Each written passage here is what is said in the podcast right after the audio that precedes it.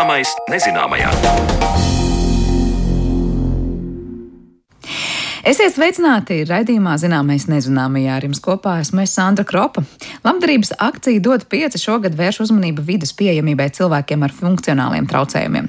Šodien raidījumā lūkosim skaidrot, kāda medicīnas tehnoloģijas būs attīstījušās tik tālu, lai nodrošinātu ar brīvām kustībām cilvēkus, kur ikdiena ir atkarīga no protēzēm. Bet līdz tam uzzināsim ko vairāk par protēžu attīstības izrāvienu starpkaru pasaulē. Senā Latvijas sarkanā krusta žurnālā var atrast datus par to, cik pagājušā gadsimta 20. gados tika izgatavotas un invalīdiem izsniegtas kāju un roku protēzes, kruķi, darba stutkājas, ratiņi, pašbraucēji un vēl citi ortopēdiskie palīglīdzekļi. Kur un kā tie tika izgatavoti un par pirmajām protēzēm pasaules vēsturē un Latvijā pēc Pirmā pasaules kara, vairāk klausieties Zanes Lācis Baltalksnes veidotajā sižetā. Neveltīgi laikam 3. gadsimts pirms Kristus, kad Irānas tagadējā teritorijā ir atrasta cilvēku abedījums ar mākslīgo lielo kāju sīkšķu pirkstu, kas ir no kaula taisīts. Ir atrasta arī acu protēzes jau no šīs senajās kultūrās, kur ir kāds abedīts. Nerunāsim par kaut kādām zobu protēzēm vai vēl kaut ko. Bet runājot par ķermeņa daļu aizstāšanu, nu, tīri, kas ir domāts rokas, kājas, nu, tas, protams, jau parādās viduslaikos, jo pirmās šīs protēzes tiešām ir jau no viduslaika aprakstos. Nu, nevelti daudzi pirāti tiek attēlot ar vienu kāju, koka kāju, tā jāsaka. Skatot kara darbības vēsturi, jo vairāk attīstās militārā tehnika, jo vairāk ir cietušo un jo vairāk pieaug prasība pēc dažādiem palīglīdzekļiem, lai atvieglotu šo cilvēku ikdienu un Pirmais pasaules karš, kad aptuveni 20 miljoni cilvēku tika ievainoti vai sakropļoti, ir tā teikt kulminācija, kas paģērē dažādu ortopēdisko palīglīdzekļu ražošanu un attīstību.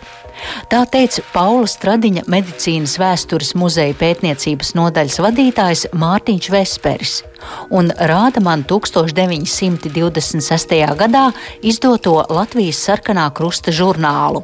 Un tajā es lasu. Latvijas sarkanā krusta ortopēdiskās darbnīcas galvenais uzdevums ir apgādāt karja invalīdus ar mākslīgiem locekļiem, iekavās protēzēm. Piecu gadu laikā gandrīz visi lielā un Latvijas atbrīvošanas karja invalīdi jau reiz ir apgādāti ar mākslīgiem locekļiem. Bez invalīdiem pēdējos gados darbnīca pagatavo ļoti daudz protēzu un citu ortopēdisku priekšmetu arī privātiem pasūtītājiem, jo lētās cenas un izturīgais darbs pievelk darbnīcai ar vien vairāk pacientu. Pēc Pirmā pasaules kara Latvijā sāk atgriezties ļoti daudz kara gūstekņu, un tā bija liela problēma, ar ko jau Latvijas valsts sāka saskarties 19. gadā. Pastāvēja ļoti daudz dažādas darbnīcas, kur veidoja šīs protēzes, bet tāda lielāku masveidu, kas saka, ražošanu, un kas arī pēc tam kļuva par dominanti, tas ir Latvijas sarkanais krusts. Daudziem šodien sarkanais krusts vairāk saistītos ar citām jomām, vairāk tādā sociālā aprūpē, bet sarkanā krusta jau vispār misija ir un arī sarkanais krusts tika izveidots 19. gadsimtā ar domu palīdzēt karā cietušajiem, tieši karavīriem un vēlāk civiliedzīvotājiem. Un Tāpēc arī 18. gada beigās, kad tiek izveidots sarkanais krusts, 1918. gada 20. novembrī, kad tiek dibināts, tad viņa viens no pirmajiem uzdevumiem ir palīdzēt bijušajiem kara gūstekņiem, kara invalīdiem, un tad vēlāk pievērsties citām sfērām. Un tāpēc arī ir loģiski, jeb normāli, ka sarkanais krusts kā viena no iestādēm, ko salīdzinoši ātri izveido un atver, tas ir eh, mākslīgo locekļu darbnīca. Un eh, vēlāk jau viņiem eh, faktiski daudziem tā liekas, ka tikai taisa tur varbūt tikai kājas vai rokas, bet tā īstenībā nav tas. Apjoms ir liels un arī tā saucamā dažādība ir liela. Nu, piemēram, ir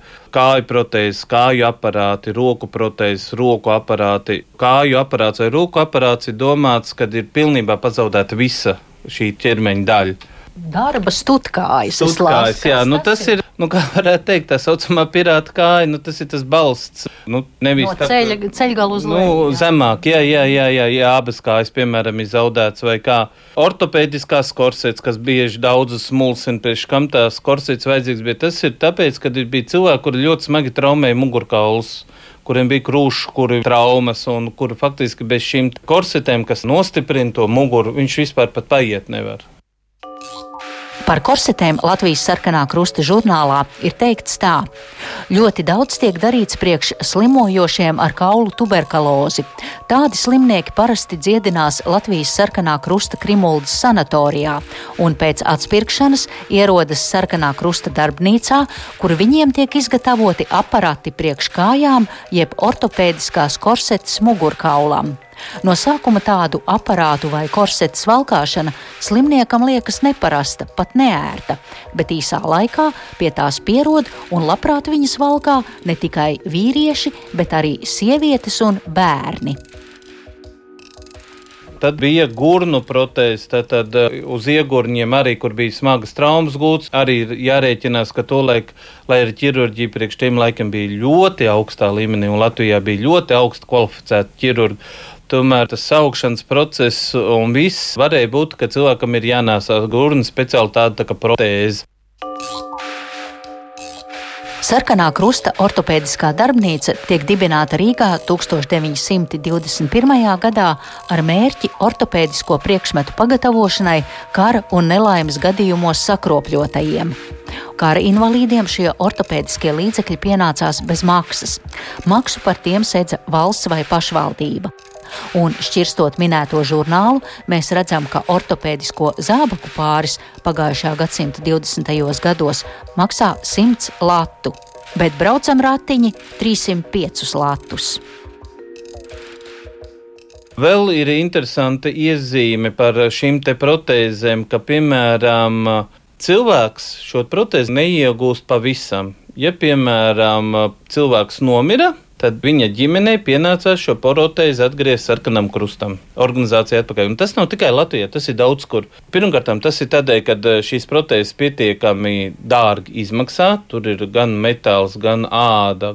Otrakārt, tas, protams, ir arī, nu, es teiktu, tāds kā taupīšanas veids, jo, protams, pēc tam var pielāgot šo te karkasu, var pielāgot, uztaisīt jaunas formas priekš citiem un tā tālāk, bet šis te karkas metāla viss ir pielāgojums. Un tāpēc varētu teikt, ka eh, protēzes nu, ļoti lielā masveidā, nu, teiksim, medicīnas muzejā vai kur citur būtu, tā nav. Eh, viņas tika lietotas, nolietotas un atkal pārtaisītas un tā tālāk. Jūs pieminējat, Mārtiņ, ja mēs par materiāliem runājam, eh, metāls un āda, toreiz jau nebija ne plastmas, nekāds silikons vai Ir arī tagad medicīnas vēstures muzejā apskatāmas kādas protēzes vai kaut kas, vai esat redzējis? Konkrēti mums ir eh, reāli divas protēzes, kur pat ir iespiests metāla rāmī Latvijas sarkanais krusts, bet vispār mums ir nedaudz vairāk kā desmit dažādas protēzes. Nu, teiksim tā, pirmskara laika, jo ir arī 70. Eh, gadu, 80. gadu. Jums ir taisnība, nebija šīs visi šie mūsdienu materiāli Bet arī tolaik ļoti labi mācīja taisīt šīs protēzes tā, lai kājas āda neberstos, lai nespiestu. Bija rupjā āda, kas ir uz ārpusi, bija iekšpusi tika izodarēta, varēja būt ar samta veida audumu vai ar mīksto ādu. Tolaik tā tomēr bija individuāla pieeja katram, un cilvēkam tika taisīta protēze, lai šī protēze ļoti labi viņam kalpotu. Nevis tur gadu vai divus gadus, bet pat desmit un divdesmit gadus un tā tālāk. Es saprotu, jā, ka Sarkanais Krusts bija viena no organizācijām, kas centralizēti darbojās un izsniedza šīs mhm. protēzes. Mm -hmm. Braucot šeit uz interviju, satiku radio kolēģi un stāstīju, ka, lūk, jā, man būs uh, intervija mm -hmm. par šiem palīgu līdzekļiem. Viņš saka, es nesen mēs ievācāmies Rīgā dzīvoklī un metām ārā vecās mantas, un tur bija dzīvojis kurpnieks. Viņš gan nezināja, kurā laika posmā tur bija liestas, un starp šīm koka liestēm bija arī koka kāja. Tā kā es pieņemu, ka arī agrāk vai starpkara periodā, varbūt arī pēc otrā pasaules kara, arī kurpnieki gatavoja no koka tās protēzes.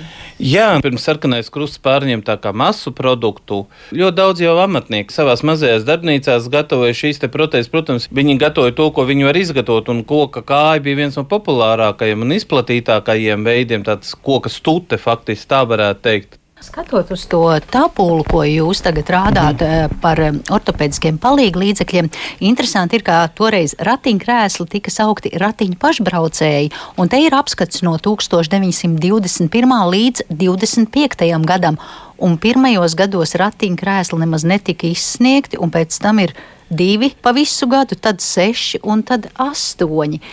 Tolaik jau pēc Pirmā pasaules kara vai varēja redzēt ielās cilvēkus ratiņkrēslos, un kādi bija tie ratiņkrēsli? Viņi bija ļoti skaisti un eleganti, bet te gan jāmin, ka ratiņkrēslu vēsture nav saistīta tikai Pirmā pasaules karu.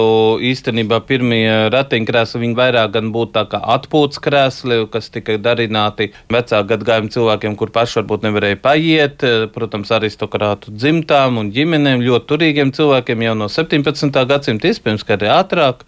Bet Pirmais pasaules karš cilvēku sakropļoti tik daudz, ka arī šie ratiņkrēsli ir, protams, loģiski lieta, ka vajadzīgi ir. Ir saglabājušās fotografijas, kur ir redzami šie ratiņkrēsli, ko taisa sarkanais krusts, te ir jāatzīmē, ka viņi ir kā autordarbs. Viņi vairāk vai mazāk ir eh, pilnībā taisīti ar roku. Protams, ir detaļas, kas ir nu, kas saka, iepirktas, tas ir riteņi un vēl, bet lielākā daļa rāmja tas ir eh, no koka eh, vai varbūt metāla karkas, bet apsists ar koku, finieri vai kādu citu materiālu. Kāpēc viņi sākumā varbūt 20 21. 22. gadā nav. Nu, iespējams, ka tajā laikā varbūt aktuālāk bija tieši šīs protēžu taisīšana. Piemēram, te skaitļi arī parāda 21. gadā 65 cilvēkiem tiek uztaisīts kāju protēzes, 18 cilvēkiem kāju aparāti, un arī tas darbinieku skaits jau nav desmiti, simti vai kā. Sākumā jau tā ir neliela darbnīca kas atradās, ja nemaldos, ģertrūdas ielā. Vēlāk, eh, tad, kad tiek uzbūvēta jau lielā ortopēdijas ēka, kas ir tagad ne, blakus bijušajai, ja tieši tā blakus eh, māsu skolai, tas ir liels komplekss, tik celta māsu skola, tik celta šī ortopēdijas darbnīca. Tad jau, protams, viņiem jau bija daudz lielāks vēriens, arī darbinieku skaits tika pieņemts, un arī produktu nu, saka, skaits bija daudz lielāks, jo tad jau ražoja ne tikai šīs protēzes priekš kara invalīdiem, arī priekš citiem cilvēkiem. Un uh, runājot par šiem braucamrīkiem, tad, piemēram, 25. gadā viņi jau ir izgatavojuši 16 šādus te braucamrīkus. Kā es teicu, vairāk vai mazāk tas ir individuāls darbs, nu, tad, tad tas apjoms, ko viņi varēja izgatavot. Nu, arī te ir jāatcerās, ka tas rati ratiņkrēsls jau netika izgatavots tam cilvēkam katru gadu. Tātad, ja no 23. gada viņi kopā līdz 25. gadam ir izgatavojuši kāds 34 ratiņkrēsli, tad 34 cilvēkiem ir šie braucam rīki. Vēl jau viena lieta ir, tas ir tikai mans minējums. Man liekas, arī tie ceļa apstākļi jau nebija nemaz tādā stāvoklī. Nu, nebija tā kā tagad mums ir asfalts un ar ratiņkrēslu pa bruģi. Man liekas, ir grūti pabraukt. Bet tas ir mans minējums no šodienas skatu punkta. Tas bija ieskats ortopēdisko palīglīdzekļu vēsturē, ko sniedza Pauls Stradiņa medicīnas vēstures muzeja pētniecības nodaļas vadītājs Mārtiņš Vespers. Bet raidījuma turpinājumā pievēršamies protēzēm nākotnē.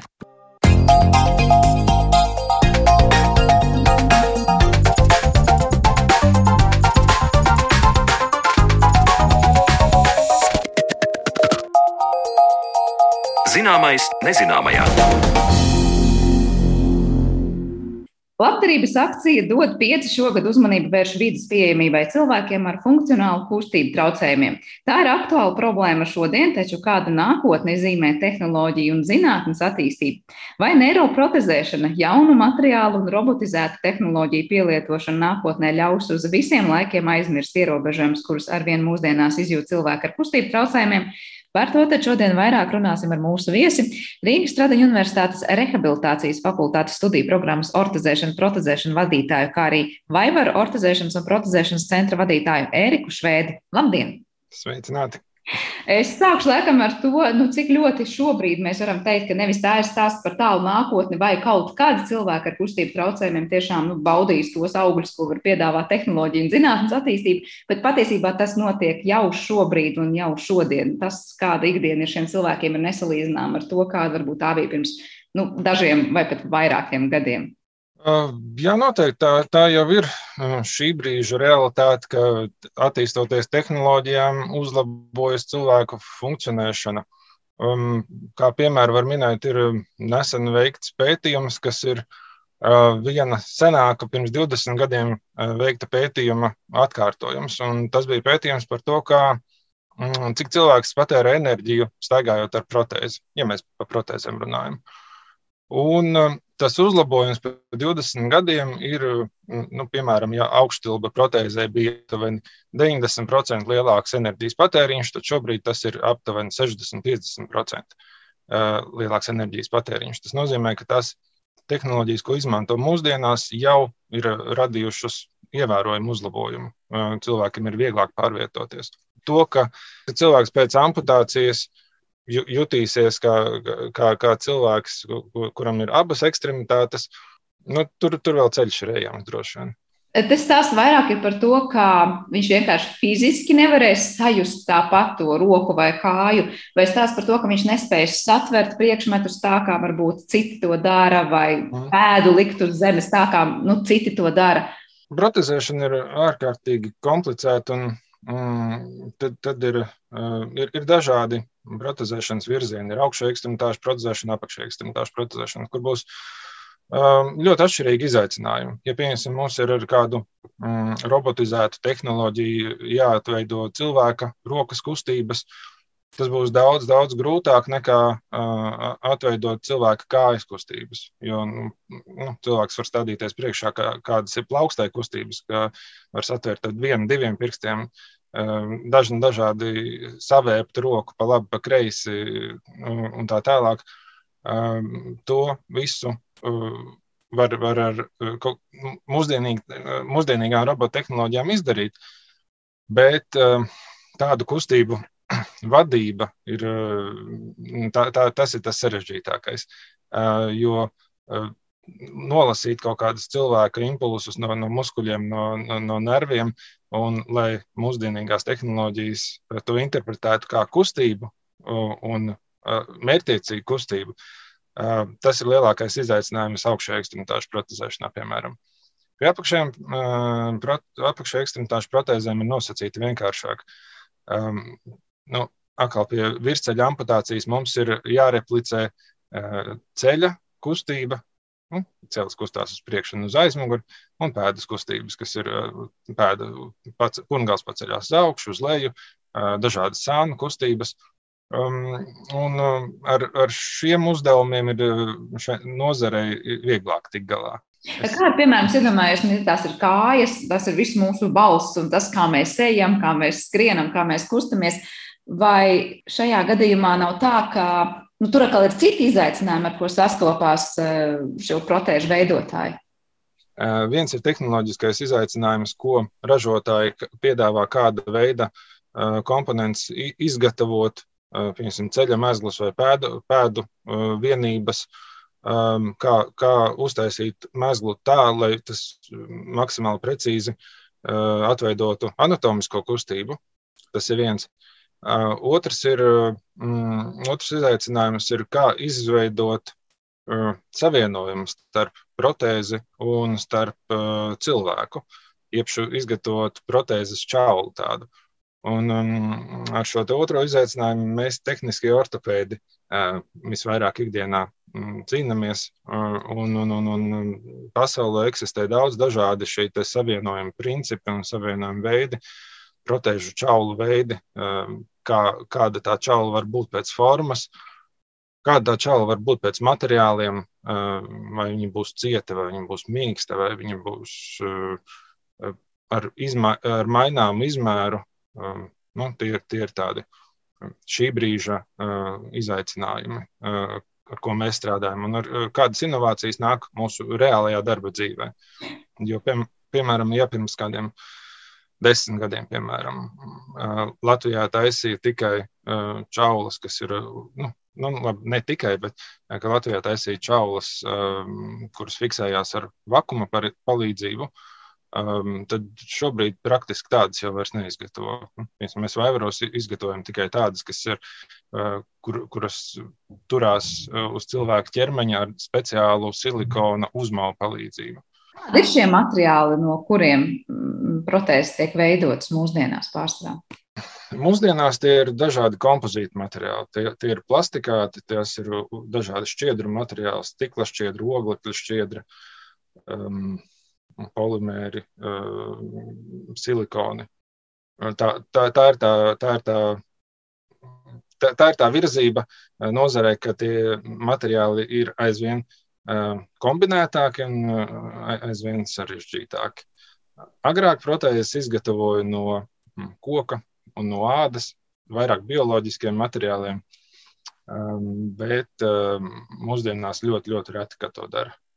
Bet te vairāk stāstiet par to, lai tā protēze būtu izturīga un viegla, jo es iedomājos, nu, laikam cilvēkam, kam ir koka protēze, tas nu, smagums, ko tā rada, laikam ir neiedomājams, jo nu, mūsu īstā roka vai kāja droši vien nu, nesver tik ļoti daudz, cik droši vien tāda koka protēze. Jā, nu, salīdzinoši tas, jā, nu, tas virziens ir tāds, ka, ka mēs cenšamies izgatavot maksimāli vieglu izstrādājumu. Kas, tas ir, nu, ko mēs darām, kas ir mūsu spēkos, kā tehniskiem ortopēdiem, kur, kur izgatavo čaulu. Um, visas pārējās uh, protēžu detaļas, nu, nu, tur ir tāds interesants fenomens, ka jo modernāka, jo uh, piemēram, ar elektroniku bagātāka vai kādu um, hidrolisku vadību vai pneimatisku vadību uh, protēzes detaļa, jo, jo viņiem būs vairāk šādas tehnoloģijas, jo viņiem būs smagāka.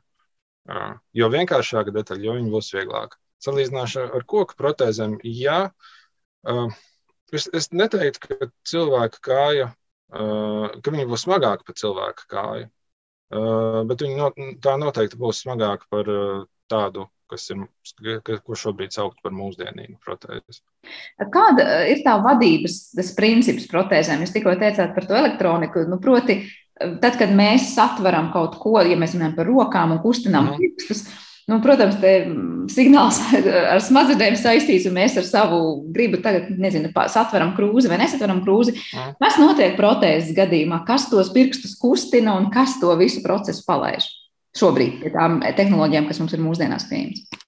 Jā, nu, tā, tas, tas reālais, ar ko reāli strādā, tas ir muskuļu signālu nolasīšana. Tie ir neinvazīvi Eh, elektrodi, eh, kas atrodas uz cilvēka ķermeņa virsmas, eh, un reģistrējot muskuļu kustību, viņi dod signālu uz ierīci. Ir arī jau pētījumi, nu, pētījumu līmenī, invazīva elektroda, bet nu, tā, tā nav tuvā nākotnē. Tas ir, tas ir diezgan sarežģīts process. Tā ir ķirurģija saistībā ar tehnisko ortopēdiju. Um, Es neredzu, ka tas, tas notiktu ļoti tuvā nākotnē. Varbūt pēc desmit gadiem, varbūt divdesmit. Te mēs runājam par tām bieži izskanējušām frāzēm, ka cilvēks ar savām domām vien varēs kustināt uh, savas protēzes un tevi vai visu to eksoskeletu, kas ir mm. viņam pielikts klāt. Uh, un izskatīsies, ka viņš vienkārši tiešām pats padomāja, es tagad piecelšos un aiziešu pēc mm. kafijas, un viņš to spēs izdarīt Kā interpretē šo jautājumu par vadīt ar savām domām? Jo jebkuru izstrādājumu, jebkuru protēzi cilvēks vada ar savu gribu. Jautājums, cik šī ierīce ar savām mehāniskajām īpašībām palīdz šīs gribas pildīšanai. Ja runā par mikroprocesoru vadītām protēzes detaļām, uh, tad lielākoties nu, apakšējām ekstremitātēm tur nenotiks tik daudz muskuļu signālu lasīšana, cik, tā, cik tajā izstrādājumā ir iekšā iebūvēti žiroskopi, dažādas, dažādi, dažādi mēri instrumenti, kas mēra paša ceļa, tās ceļa vienības atrašanās, atrašanos telpā un vairāk desmit reižu sekundē nokontrolē, kā, kādā pozīcijā šobrīd atrodas izstrādājums. Šī kontrole dod priekšrocību tam, ka piemēram, ceļa mezgls saprot to, ka cilvēks šobrīd vēlas pātrināt gaitu. Tādēļ viņš šo ceļa kustību pātrina līdz ar to, līdz tajā brīdī, kad cilvēks sāk pats ātrāk kustēties. Un to viņš šo lēmumu ceļa mezgls pieņem sekundes laikā. Tātad, nu, būtībā uzreiz, kā cilvēks sāk iet ātrāk, tā šī te, uh, ceļa komponenti sāk kustēties ātrāk. Bet jautājums, cilvēks var reāli sākt ātrāk iet, ja pagaidām vēl tā viena ceļa komponente nav sapratusi, ka ir jāiet ātrāk. Proti, nu, kad nāk viena kāja, varbūt ir gatava iet ātrāk, un otra nav spējīga tai tikt līdzi. Man tā klausoties, rodas sajūta. Nē, nē, nē, tā komponente šo, šo kustības izmaiņas piefiksē uzreiz. Tie, kas ir izgatavojuši šīs, izgudrojuši un izgatavojuši šīs komponentes, to salīdzina, ka ceļa, ka tā kustības piefiksēšana notiek ātrāk nekā cilvēka ķermenī notiek šī signāla apmaiņa. Tātad būtībā tas ir uzreiz. Kā ir ar šiem visiem bionikas gadījumiem, ko jūs saucāt par tālo nākotni? Arī es saprotu, tā ideja ir tāda, ka vispār cilvēka smadzenēs pat varētu tikt implantēts kāds, es nezinu, vai čips tas ir jāsauc, vai kas cits, kas liktu šos signālus tā kā sūtīt vai saņemt, vai kā precīzi ir jāsaka? Jā, runā par trīs veidu signālu lasīšanu. Viena ir par uh, muskuļu, uh, viena ir par nervu signālu, un trešais ir par um, smadzeņu. Jā. Bet uh, tas ir. Uh, Nu, tas ir ārkārtīgi sarežģīti. Un, nu, nu, nav, nav mūsdienu tehnoloģijas uh, attīstījušās tā, lai uh, kvalitatīvi interpretētu katru no šiem signāliem, ar, ar, ar kādu mērķi viņš, viņš ir, ir, ir radies attiecīgajā anatomiskajā vienībā. Proti, tehnoloģiski var tikt pārprasts tas, ko patiesībā vajag darīt tai konkrētai protēzē. Jā, jā, jā. Nevar nodrošināt to intuitīvo uh, kustību, kā, kā cilvēks kustās ikdienā. Nu, mēs nedomājam, vai mēs tagad kustināsim acu plakstiņus vai uh, kustināsim rokas līdz, kamēr runājam. Nu, tie, ir, tie ir signāli, ko, ko mūsu rokas muskuļi interpretē no, no tā, kā, kā, kā ir atnākuši no smadzenēm. Tas, lai to protēzes varētu izdarīt, to, tas, tas ir ārkārtīgi sarežģīti. Un, um, tas no, ne, nenotiek vēl tādā līmenī, kā tas nav tā replicējams, kā, uh, kā to dara cilvēka ķermenis. Bet tas, ko jūs minējāt par to signālu lasīšanu no muskuļiem ja, vai no ādas, ja, kur ir šie sensori, es līdz galam nesaprotu, kā tas notiek. Nu, gadījumā, ja cilvēkam nu, nav, piemēram, vienas rokas, tur plaukstas locītava, tad tie sensori būs izvietoti kur virs tā. Tas ir tad, e, ne jau uz pašas protēzes, proti, no kurienes nolas šos signālus. Un savukārt, ja tas sensors atrodas kaut kur, kur ir elkonis, vai tas jau mums ļauj pateikt, lūk, cilvēks ir paņemts, es nezinu, glāzi rokās vai krūzi? Um, sensori atradīsies uz muskuļu grupām, kuras um, cilvēkam ir um, vieglāk kontrolēt. nu, es, es bez rādīšanas nevaru iztikt. Radio tas, protams, nedara. Nu, Mēģināsim vizualizēt, jā. piemēram, ja es ceļu plaukstu uz augšu, tad man strādā šīs augšējā rokas apakšdēlma, augšējās virsmas, virsmas muskultūra. Ja es laižu plaukstu uz leju, tad atkal nostrādā ap, apakšdēlma apakšējās daļas muskultūra. Tas nozīmē, ka es varu uzlikt gan augšā, gan apakšā elektrodus, kuri piefiksēs kustību, plaukstas kustību uz augšu un uz apakšu.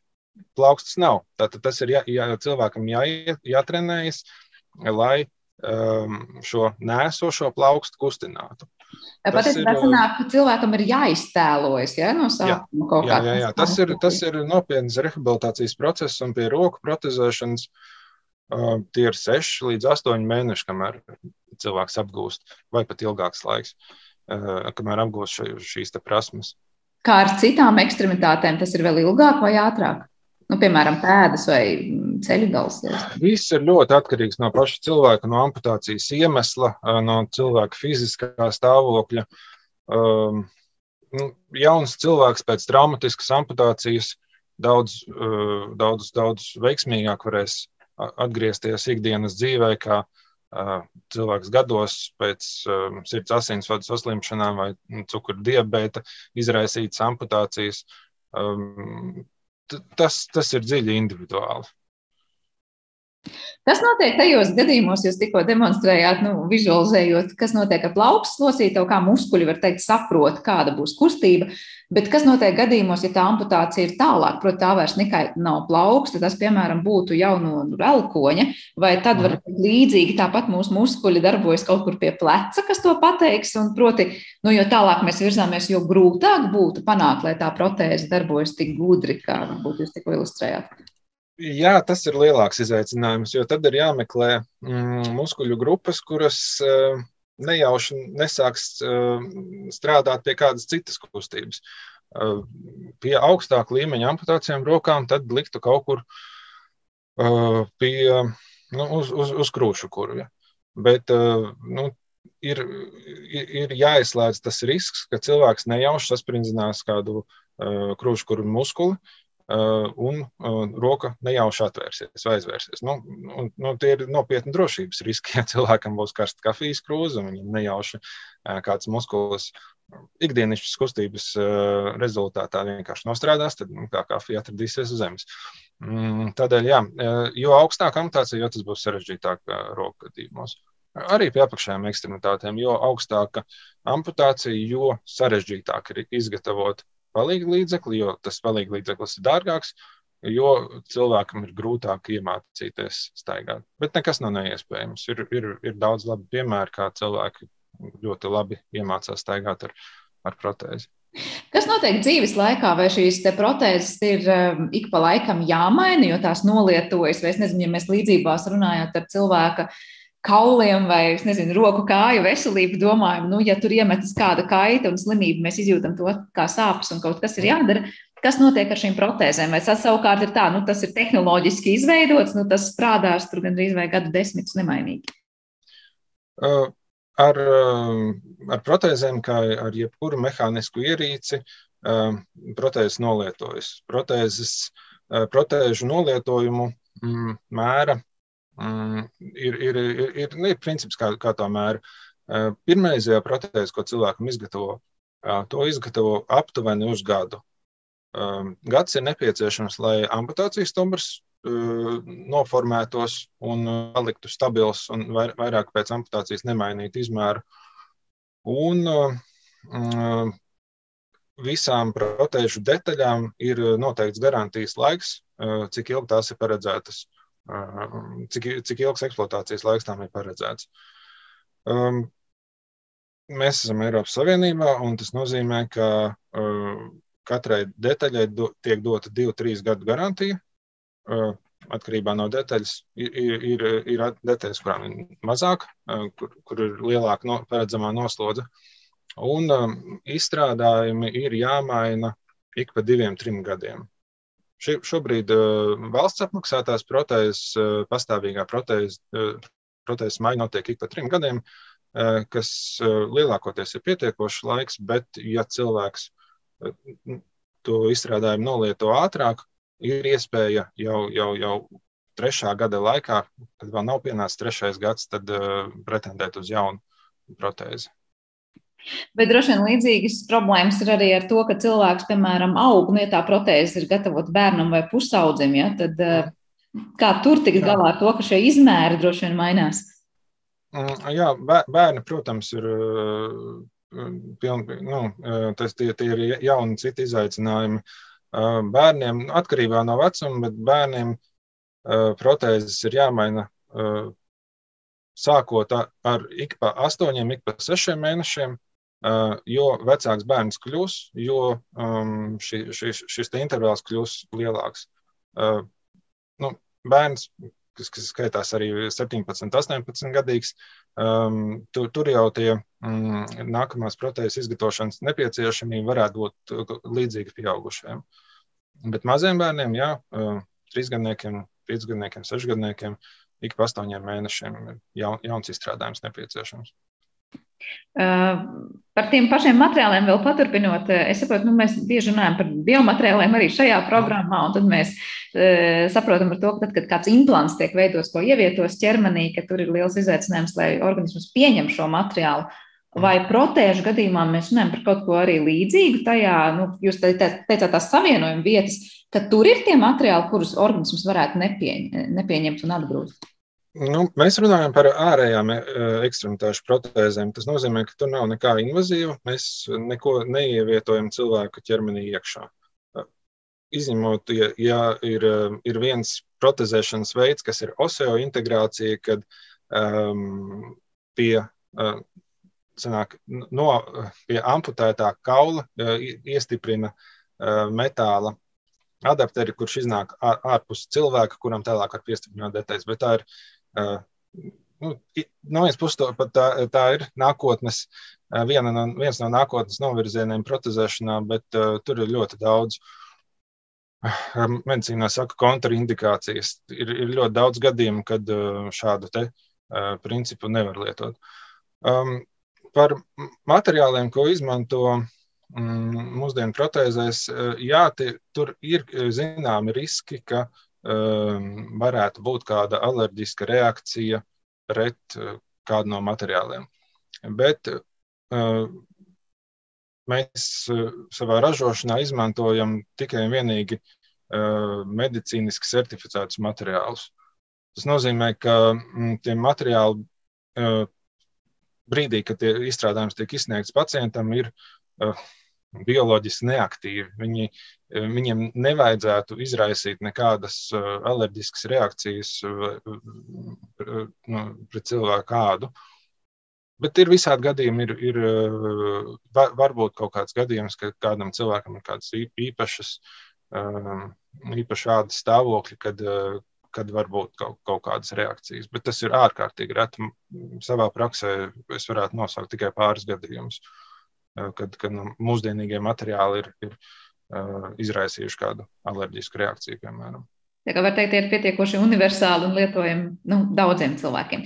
Kā ar 3D printēšanu, cik ļoti daudz šīs tehnoloģijas palīdz šobrīd un var teikt, nu, rada kā tādu mm sprādzienu tajā, cik ļoti attīstās varbūt tā protezēšana un cik ļoti pieejama tā varbūt kļūst, es nezinu, ātrāk, var izveidot kādu protēzi vai lētāk, vai tur nav tik rožaini tas viss? Šī nozara attīstās ne, nemitīgi. Nu, es, es varētu minēt piemērus no tā, kā pirm, aptuveni pirms astoņiem gadiem starptautiskajās izstādēs bija tāds jau pirmais lēciens, parādījās 3D, 3D tehnoloģijas, daž, daž, dažādas 3D printētas protēžu detaļas. Um, tad uh, tas radīja iespaidu, ka nu, nu pat būs, ka nu pat šī te tehnoloģija jau ir tik attīstījusies, um, ka, ka jau varētu aizstāt, aizstāt iepriekšējās tehnoloģijas. Laika gaitā ir pierādījies, ka nav tik rožaini, ka, ka ir, ir, dažādas, ir dažādi izaicinājumi, ko šīs 3D printētās detaļas netiek galā.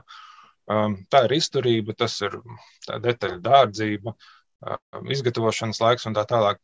Bet ir nišas, ir, ir nozares, kuru, kuru 3D tehnoloģijas uh, un 3D printēšana tieši uh, var ļoti kvalitatīvi iesaistīties. Un, um, tas, tas tehnoloģiskais un materiālu lēciens 3D printēšana pirms astoņiem gadiem un šobrīd nu, ir, ir ne, neizmērāms. Ir, ir nākuši 3D printēšanā katru mēnesi iznākot kādi nezinu, desmit jauni materiāli, kur, kur, ar kuriem iespējams var printēt. Un ir atsevišķi izstrādājumi, kurus jau šobrīd var ļoti kvalitatīvi izprintēt un, un ļoti ātri un ļoti lēti. Tādēļ 3D eh, printēšana, manuprāt, neaizstās visas uh, tehnoloģijas, kas saistītas ar protēžu izgatavošanu, uh, bet kādu daļu noteikti ieņems. Un uh, tā daļa, kas, kas būs, tā, tā, tā padarīs izstrādājumu izgatavošanu ātrāku, efektīvāku, lētāku. Un savā ziņā arī samazinās vidas piesārņojumu, ko rada mūsu nozare. Jo līdzinēji, mm, kā, kā līdz šim mēs e, izgatavojam, izgatavojam jebkuru izstrādājumu, mums paliek diezgan daudz atgriezumu, dažādu materiālu. Ja mums no liela putu kluča ir jāizslīpē cilvēka kājas e, veidos, tad ir ļoti daudz dažādu atkritumu no, no šī te, putu kluča nonāk atkritumos, kādā atkrituma pārstrādes veidā. salīdzinoši 3D printēšanu, tik cik materiāls tiek izmantots izstrādājuma izgatavošanai, aptuveni tik arī tas tiek nodots pacientam. To, uh, lieko materiālu ir ļoti, ļoti maz. Tādā, tādā ziņā, tur, kur būs šī 3D printēšana, tas būs vidē draudzīgāk noteikti. Jā, tā kā savu nišu noteikti ieņems arī šīs tehnoloģija un materiāli. Noslēdzot šo sarunu, nu, labi, jūs sākumā teicāt, no vienas puses netika optimistiski varbūt to prognozi ar to, ka nu, nekad nebūs tā, ka cilvēks, kuram ir šī protēze, nu, funkcionēs precīzi tāpat, kā, kā viņam būtu tā sava. Uh, īstā, ja tā var teikt, kāja, roka vai, vai jebkas cits, par ko mēs runājam, bet tomēr vai mēs varam cerēt, ka nu, es nezinu, cik tālā nākotnē, bet tomēr cilvēkiem ar kustību traucējumiem nu, vairs nebūs lielu vai nekādu šķēršļu ikdienas dzīvē. Nu, šī nozare iet uz to, lai šos šķēršļus samazinātu. Um, mēs, mēs runājam pirms brīdiņa arī par to, uh, par uh, uh, izmēru, par, um, par izstrādājumu nepieciešamību bērniem, kad viņi izaug. Tas pats attiecināms ir uz pieaugušajiem. Ja pieaugušais uh, pieņemsies svarā pat 3 kg. Cilvēks bez amputācijas, un nu, nu, viņš to izjutīs. Jā, varbūt jāpērk jaunas bikses, bet nu, t, t, tas ir sīkums salīdzinoši uh, cilvēkam, kurš lieto protēzi. Tas ir, tās ir lielas izmaiņas. Un um, tehnoloģijas šobrīd, piemēram, uz uh, protēžu čaulām uh, virzās uz to, ka visi izstrādājumi kļūst uh, protēzes lietotājam uh, regulējami. Tas nozīmē, ka cilvēks pats varēs pieregulēt protēzes čaulu tam e, izmēram un tam komforta līmenim, kāds viņam tajā dienā ir. Cilvēks, jau, e, mainē, cilvēks ir ļoti mainīgs. Cilvēks var no rīta e, būt, cilvēks no rīta var nespēt tikt iekšā protēzē, nespēt uzvilkt protēzi. Vakarā tā protēze var būt par brīvu. Tie ir tie, ir tie mm, izaicinājumi, eh, kas, ko, ko, ko šī nozara risina. Un, um, īstenībā sekmīgi risina, jo, jo šobrīd jau tirgu ir pieejamas ļoti daudz tās tehnoloģijas, kas pat, pašam pacientam ļauj pielāgot izstrādājumu. Viņam nav vairs jā, jānāk pie tehniskā ortopēda ar katru sīkumu.